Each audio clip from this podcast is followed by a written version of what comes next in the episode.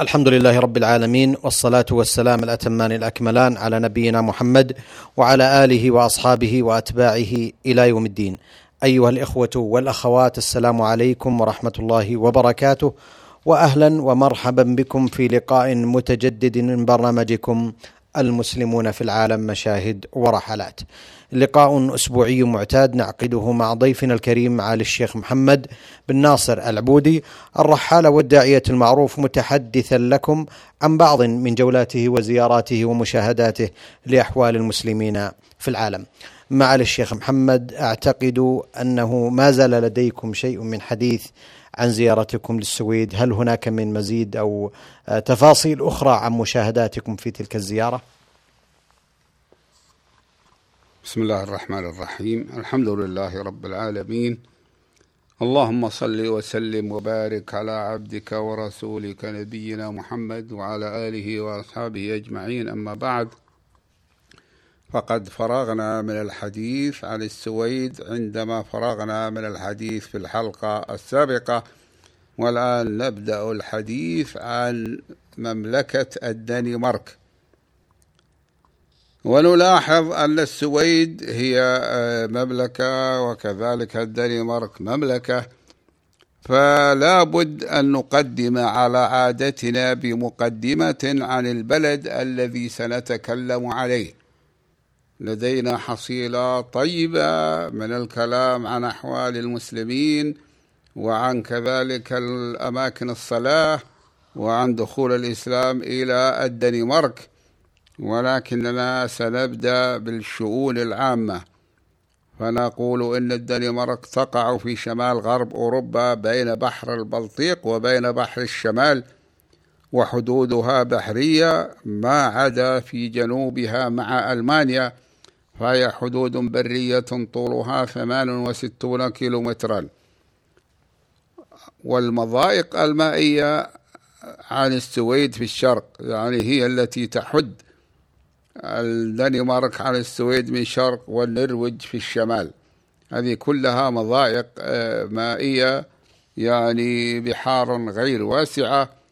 والدنمارك أصغر دولة إسكندنافية. الدول الإسكندنافية هي أربع حسب اصطلاح الناس التي هي السويد والدنمارك والنرويج وفنلندا. والسويد أصغر دولة من هذه والدنمارك أصغر دولة إسكندنافية إذ تبلغ مساحتها ثلاثة وأربعين ألف كيلومتر وتسعة وستين كيلو. أي أنها صغيرة ربما صح القول بمقارنتها بلبنان أنها أقل من لبنان أربع مرات وأكثر بكثير من مساحة لبنان ثلاث مرات. وتضم السويد نحو أربعمائة وست من الجزر منها سبع وتسعون جزيرة مسكونة بعضها كبير وبعضها صغير والأغلب صغير والباقية من الجزر لا يسكنها أحد. وتغطي الأراضي الزراعية نحو واحد وستين آه، بالمئة. كما تغطي الغابات أي المتروكة غابات وليس فيها حقول تغطي 12% من مساحة البلاد. وتشكل المستنقعات والجداول المائية 12% أيضا. متوسط الحرارة في الصيف هي 16 درجة مئوية وفي الشتاء تتدنى درجة البرودة إلى ما دون الصفر مع تساقط الثلوج. أما الاقتصاد فإن الدنمارك دولة زراعية تشتهر بزراعة القمح وبنجر السكر والبطاطس وفيها رعي المواشي الأنعام بتوسع وكثرة إلا أنها طورت صناعتها التي تقوم على الألبان واللحوم والسمك. وأصبحت تشكل نسبة كبيرة من صادراتها كما ازدهرت صناعة الأقمشة والمواد الكيميائية والأدوية والأثاث والأجهزة والمكاين وبناء السفن. وتقوم الدولة بتوفير الضمان الاجتماعي والصحي للجميع حماية من العوز والبطالة وبالإضافة إلى مجانية التعليم والتداوي فالدولة تدفع للمتقاعدين وكبار السن رواتب تقاعدية تساوي تسعين بالمئة من راتب الشخص من راتب الشخص الذي يتقاضاه عندما كان يعمل بالحكومة من و أو حتى في الشركات وفق نظام عندهم. الآن الحمد لله موجود في بلادنا شيء قريب من ذلك. أن الشركات والأماكن العامة تخضع للتقاعد وفق شروط معينة. وبلغ عدد سكان الدنمارك في آه، ثلاثمائة خمسة ملايين وثلاثمائة وخمسة آلاف شخص. خمسة ملايين وثلاثمائة وخمسة آلاف آه، نسمة بموجب إحصاء عام سبع وتسعين ولا يكاد يتغير الإحصاء في تلك البلاد. فالجيد أو النقل الأكثر سكانا في تلك المنطقة الإسكندنافية هو البلد الذي لا ينقص سكانه بعد مضي عشر سنوات مثلا. لأن مع بعض البلاد تنقص سكانها فيحتالون عليها بتسهيل الهجرة لبعض أنواع من السكان. ومعظم السكان اسكندنافيون مع وجود أقلية ألمانية تعيش في الأرض المتاخمة لحدودها مع ألمانيا في الجنوب وكذلك قبائل الإسكيمو في الشمال. ويعتنق الديانة النصرانية الإنجيلية واحد وتسعون بالمئة. وهذا من الناحية النظرية لأن الإحصاءات تدل على أن من يتردد منهم إلى الكنيسة لا يتعدى نسبة 55% من السكان. وليس المراد بالتردد أن يأتي كل أحد مثلا ولكن الذي قد يذهب. والنسبة الأخرى التي هي 45% من السكان لا يذهبون إلى الكنيسة أبدا. هذا هو الذي قرروه. واللغة الدانش الدانش تسمى لغة الدانش. وبعضهم يسميها اللغة الدانيشية هي السائدة. يعني هي اللغة السائدة في الدنمارك ولكن نظرا إلى أن السكان متعلمون ونظرا إلى الاتصالات القوية لهم مع الغرب فإن أغلبهم أو ربما قلنا كلهم يعرفون قدرا من اللغة الإنجليزية يستعملونه عند الحاجة.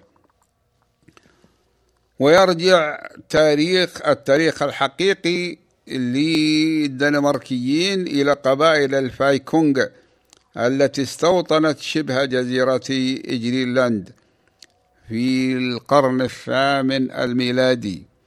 وقد مارس الفايكونغ دورا بارزا في مسرح الأحداث في شمال أوروبا كما توسعت أنشطتهم من خلال قوافلهم التجارية إلى آسيا وأوروبا ومن خلال غزواتهم البحرية في العصور الوسطى.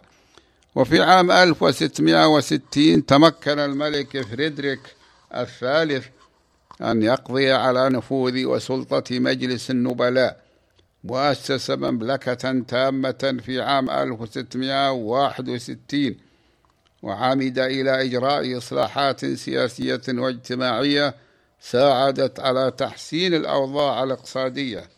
فبدأت الدنمارك في استعمار جزيرة جرينلاند وتطوير علاقاتها التجارية مع الشرق الآسيوي من خلال إقامة شركات تجارية في الهند الغربية. ومن المعروف لنا نحن خاصة الذين لنا عناية أو لنا عمل واتصالات مع بلاد الدنمارك من خلال الاتصال مع الأخوة المسلمين أن آه، آه، من خلال أقوالنا المسلمين أن الدنمارك من الدول المتسامحة مع الرعايا أو مع الأشخاص الموجودين آه، من المسلمين. يرجع اتصال الدنمارك بالعالم الإسلامي إلى عهد الفايكونغ. الذين وصلت قوافلهم التجارية إلى الحواضر الإسلامية مثل بغداد ودمشق وبخارى ولا يزال الدنمارك لا يزال الدنماركيون يحتفظون في متاحفهم بشواهد من تلك الاتصالات القديمة من نقود وسلع ومخطوطات كما أن الرحال الشهير أحمد بن فضلان الذي توفي قبل أكثر ألف من ألف سنة سافر مع الفايكونغ وكتب بالعربية عنهم قائلا ليسوا كالشماليين القاطرين على آه، نهر لأنهم كانوا نظيفين يغتسلون في النهر ويقضون حاجاتهم خارج منازلهم وكانوا أحسن من جميع من عرفت في كل شيء وهو يقصد أحسن منهم من أهل الشمال ولا يقصد كل الناس. وفي العصر الحديث يعتبر التتار المسلمون من أوائل المسلمين القادمين إلى الدنمارك من منطقة روسيا والاتحاد السوفيتي في ذلك الوقت وذلك من خلال حركاتهم التجارية في الدول الإسكندنافية ولكن لم يكن عدد التتار كبيرا غير أن الإصلاح السياسي الذي اعتمد على تعزيز النهضة الاقتصادية في عام 1953 في الدنمارك فتح هجرة فتح باب هجرة العمال إليها من تركيا ويوغوسلافيا السابقة ومن ألبانيا. ومن المعروف أن الألبانيين كلهم مسلمون إلا من ندر ولذلك إذا قيل ألباني فمعناها أنه مسلم. وقد وصل من البلدان العربية شخص اسمه عبد الله ألماس من اليمن.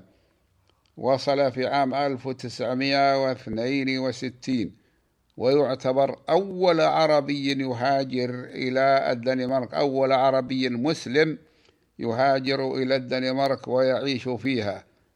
ثم بعد ذلك حدثت هجرات من باكستان ومصر. يعني هجرات من المسلمين من باكستان ومصر وفلسطين والجزائر والمغرب وتونس ثم استقبلت اللاجئين الأفغان واللاجئين الأكراد والصوماليين حتى وصل عددهم حاليا إلى ما يقرب من مئتي ألف نسمة ويمثلون خمس وستين بالمئة من جملة الأجانب البالغ عددهم ثلاثمائة وخمسين ألف نسمة تقريبا. يعني المسلمون وصل عددهم في الدنمارك إلى أكثر من مئتي ألف نسمة وهذا آه، هو مقتضى ما ذكرته الحكومة في إحصاءاتها. وقد فصلت هذا تفصيلا لا أدري هل يستحسن أن نذكره ولكن لا مانع من ذلك. قالت أن عدد الأتراك المسلمين الأتراك كلهم مسلمون بلغ أربعمائة بلغ ثلاثة وأربعين ألفا ومائة وثمانية عشر وأن عدد البوسنويين بلغ خمسة وثلاثين ألفا وأربعمائة وأحد عشر. والمراد البوسنويون سكان البوسنة سكان البوسنة المسلمون. والغريب أن الحكومة الدنماركية ذكرت أن عدد اللبنانيين هو ستة عشر ألف وأربعمائة وثمان وتسعون. وأن الباكستانيون يوجد منهم الآن خمسة عشر ألفا وسبعمائة وستة وتسعون والإيرانيون يوجد منهم أحد عشر ألف وثمانمائة وثلاثة وتسعون والصوماليون يوجد منهم تسعة آلاف وثمانمائة وست وثمانين ست وثمانون والعراقيون يوجد منهم ثمانية آلاف وثمانمائة وخمس وعشرين والمغاربة ستة آلاف وستمائة وثمان وسبعون هذا كله هو عدد المسلمين الموجودين في الدنمارك حسب إحصاء الحكومة الدنماركية. وهذا في الحقيقة عدد طيب جدا بالنسبة إلى حداثة دخول المسلمين لأن أول شخص جاء إليهم من البلدان العربية هو هذا اليمني المسمى عبد الله الماس. ويبلغ عدد المصليات. المصليات جمع مصلى وهو مكان الصلاة أي الشقة أو المبنى الذي تقام فيه الصلاة. وكذلك الجمعيات الإسلامية التي تسير الأمور في تلك المصليات يبلغ عددها 120 مؤسسة إسلامية. ولكن ليس كل مؤسسة لها مسجد تقام فيها الصلاة أي لها مصلى وإنما بعضهم يصلون في الغرف التي يشغلونها. وتوجد في الدنمارك ست عشرة مدرسة إسلامية. وتحظى هذه المدارس بدعم حكومي. لماذا تحظى؟ نحن رأينا كثير. حتى السويد كانت تساعد الجمعيات الإسلامية والدنمارك كانت تعطي رواتب للمدارس الإسلامية بشرط أن يطبقوا صلب المنهج الحكومي يعني الأماكن الموضوعات المهمة في المنهج الحكومي ويضيفون إليه ما شاءوا من العلوم الإسلامية التي لا تؤثر على دراستهم للمنهج الحكومي. وكلهم يتلقون رواتب من الدولة مقابل الحصص الدراسية التي يقدمونها إلى الطلاب في المدارس الحكومية. يعني هذا شيء آخر المدارس الحكومية غير المدارس الإسلامية. فإذا كان هنالك طلاب مسلمون في المدارس الحكومة فإن حكومة الدنمارك وكثير من البلدان في أوروبا ملتزمة بتدريسهم دينهم تدريس الدين الإسلامي وتعطي رواتب للمدرسين الذين يقومون بذلك. لأن هذا من واجبها كما يرون. وهذا من لطف الله سبحانه وتعالى بالمسلمين. قلت إن أول مسلم معروف وصل إلى الدنمارك من البلدان العربية واستوطنها في العصر الحديث هو اسمه عبد الله الماس من اليمن ولا يزال حيا عندما جئنا الدنمارك قبل نحو عشرين سنة. وبعده بقليل حضر أردني اسمه طاهر الخياري. وصل الدنمارك على دراجة واستغرق سفره إليها نحو ثمانية أشهر لأنه كان يسير كل هذه المدة على دراجة ويمر بالبلدان الأخرى ويتلبث فيها وكان ذهب إلى فيينا قبل ذلك وقد توفي قبل مجيئنا إلى الدنمارك بنحو شهرين. وكل هذه الحركة الإسلامية النشطة التي أثمرت حتى الآن 120 مسجدا وهي المصليات في مدة, في مدة أربعين سنة. هذا يعتبر فتحا آه، عظيما. لو أن أخواننا المسلمين استغلوا هذه الإمكانية وساعدهم إخوانهم المسلمون في البلدان العربية وبخاصة أن منهم أغنياء من أغنياء العالم معروفون وعددهم كثير.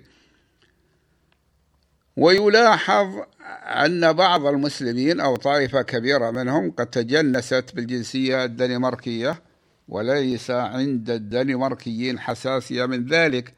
من ذلك يقال إن أكثر من يحصلون على الجنسية الدنماركية هم الباكستانيون وأنهم أسرع من العرب حصولا على الجنسية الدنماركية. أما العرب فبعضهم يبقى حتى بدون جنسية.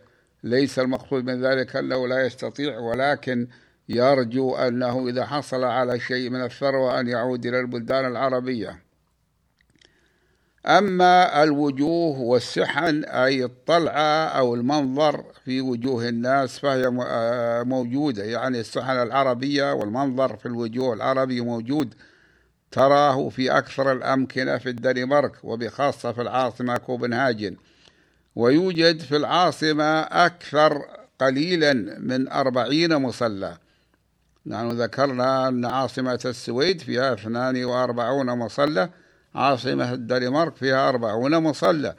وقد رأينا أكثرها وشاهدناها وساعدنا على تسيير الأمور فيها مثل دفع نفقات أو المساهمة بدفع نفقات الكهرباء والتدفئة. التدفئة تحتاج إلى مبالغ كبيرة لأن البلاد باردة ويطول وقت البرد.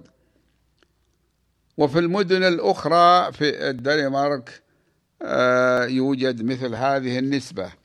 قال لنا إخواننا وقد أسمى الدنماركيون المتعصبون ذلك غزوا إسلاميا وقالوا إن الإسلام غزا بلادنا.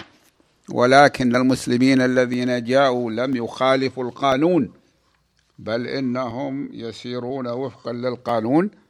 فمن سار بدون مخالفة القانون فإن القانون معه لأنهم جاءوا في الأساس بموجب تأشيرات أو منحوا إقامة رسمية ويحبح لهم القانون ذلك.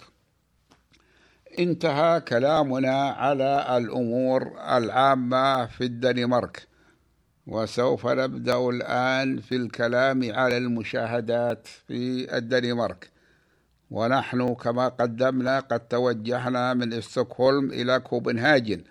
صعدنا إلى طائرة الخطوط الإسكندنافية المعروفة اختصارا بساس تسمى ساس وهي من طراز ام دي 90 وهي نفاثة صغيرة تشبه البونج 737 إلا أنها أقل عرضا وهذه الشركة من أوائل الشركات المقصود من ذلك شركة ساس من أوائل الشركات التي أحسنت فمنعت التدخين في رحلاتها الداخلية.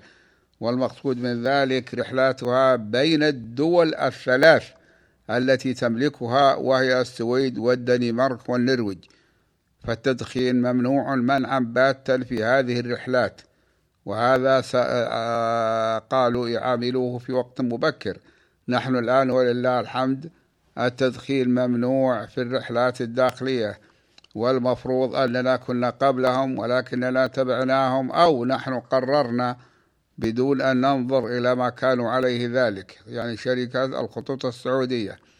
وقد تتابعت شركات الطيران في منع التدخين في الرحلات الداخلية وبعض الرحلات الدولية ومنها مؤسسة الخطوط السعودية التي منعت التدخين في الرحلات الداخلية. ومن الأشياء الجيدة في هذه الطائرة غير الكبيرة أنهم وضعوا هواتف عند أذرعة المقاعد وكتبوا ذلك على ظهر المقعد وأوضحوا أسعار التحدث من هذا الهاتف غير آه، عبر العالم كله. يعني يحطون أنه مثل أمريكا لها كذا والبلاد الثانية كذا والهند واليابان. إذا تكلم الإنسان من هذا الهاتف الموجود على آه، مقع الموجود على المقعد الذي هو عليه فإنه سوف آه، يؤخذ منه كذا وكذا موجود. لأنه لا بد أن تأخذ المضيف يأخذ هذا الحساب إلا إذا كان عنده مثلا بطاقة ائتمان. وفيها مائدة للطعام على ظهر المقعد آه، معروفة وأوضحوا أسعار التحدث من الهواتف أيضا. فالطائرة هذه غادرت مطار ستوكهولم في السادسة إلى ربعا عصرا بعد تأخر ثلاثين دقيقة عن الموعد المحدد لقيامها في الأصل وقد اتضح منظر أرض السويد. في جو شامس واضح فبدت أرضا معمورة ومرت مباشرة الطائرة مرت فوق بحيرة من البحيرات الكثيرة في بلاد السويد. وإن تكن أقل في هذا الأمر من فنلندا التي قدمنا منها إلى السويد. وقد ذكروا أن فنلندا فيها مئة واثنان ومئة واثنتان وثمانون ألف بحيرة. وأظن أن عددها أكثر من ذلك فقد تجولت في هذه المرة في فنلندا من عاصمتها هلسنكي في الجنوب حتى مدينة روفانيامي في الشمال على حافة الدائرة القطبية. فرأيت من الطائرة أن القطار أو من القطار أو من السيارة أن البحيرات في كل مكان حتى يصح أن تدعى فنلندا بأنها بلاد البحيرات. وقد أعلن مكبر الصوت بالطائرة أن الطيران آه، إلى كوبنهاجن من ستوكهولم يستقرغ ساعة وخمس دقائق أي أقل من المسافة ما بين جدة والرياض. وأعلنوا أن درجة الحرارة في كوبنهاجن هي سبعة عشرة درجة على حين أننا رأيناها مسجلة في ميدان المطار في ستوكهولم 22 ويرى المرء أن الغابات الملتفة في أرض السويد كلها يعني كاد تكون بلاد غابات لذلك رأيناها عندما تجولنا في أنحائها آه، منذ سنين. ثم غام الجو أسفل الطائرة فصرنا لا نرى شيئا مما على الأرض. أما عندما حان النزول أقبلنا على مطار كوبنهاجن في جو غائم. وقد بدت المدينة والطائرات تتدنى فوقها خضراء ذات بيوت جميلة حمر السقوف غير أن بيوتها مركومة أي تبدو مجتمعة وليست متفرقة منثورة في مساحات واسعة ولكن تتخللها تتخللها حدائق وأشجار نظرة والمدينة واقعات على بحر الشمال. وجدت شواهد وجدت شوارع المدينة من الطائرة آه، غير مستقيمة. ما يدل على أن تخطيطها قديم. ورأينا البحر غاصا بالسفن والبواخر. مما يدل على ما هو معروف من الرواج الاقتصادي في الدنمارك. وظهر الجمال الطبيعي بموقعها بموقعها في الأماكن الواقعة على البحر خارج المدينة. إذ بدأ شاطئ البحر كما لو كان شاطئا نهريا. إذ ترى الأرض تجللها الأعشاب الكثيفة ومنها الأشجار التي بدت كما لو كانت تكرع في مياه البحر. وذلك لكثرة الأمطار التي تغسل عنها الأملاح. هبطت الطائرة في مطار كوبنهاجن في السابعة إلا عشر دقائق مساء بعد طيران استمر ساعة وخمس دقائق ورأينا الأعشاب التي تحف بمدرج الطائرة خضرا مقصوصة مهذبة لم يتركوها تنمو وحشية. لم يكن في الوصول إجراءات كثيرة بل بدت الرحلة كما لو كانت رحلة داخلية. فليس فلا تفتيش في الجمرك بالنسبة لنا ولا حتى لغيرنا حسب ما رأيناه. أما نحن فإن الجواز الدبلوماسي يعطي يعفينا من ذلك ولكنهم لم يسألونا عن شيء ولذلك وصلنا بسرعة إلى قاعة الوصول إلى المدينة. يعني لم نتعوق في أي إجراء. وفيها مكتبان مكتب مكتب لحجز الفنادق وكذلك لحجز الأنزال التي يصدر من الفنادق. ذكرت الموظفة أنه يوجد لديها فندق في وسط المدينة وهو فندق إسكندك. اجرته خمسة وثمانون دولارا أمريكية مع الإفطار فحجزنا فيه. شكر الله لكم معالي الشيخ محمد.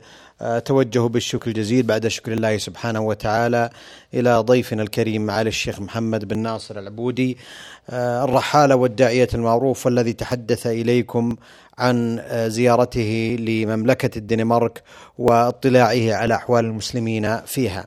نلقاكم أيها الإخوة والأخوات على خير في مثل هذا اليوم من الأسبوع القادم وهذه تحية من محدثكم محمد بن عبد الله مشوح. السلام عليكم ورحمة الله وبركاته.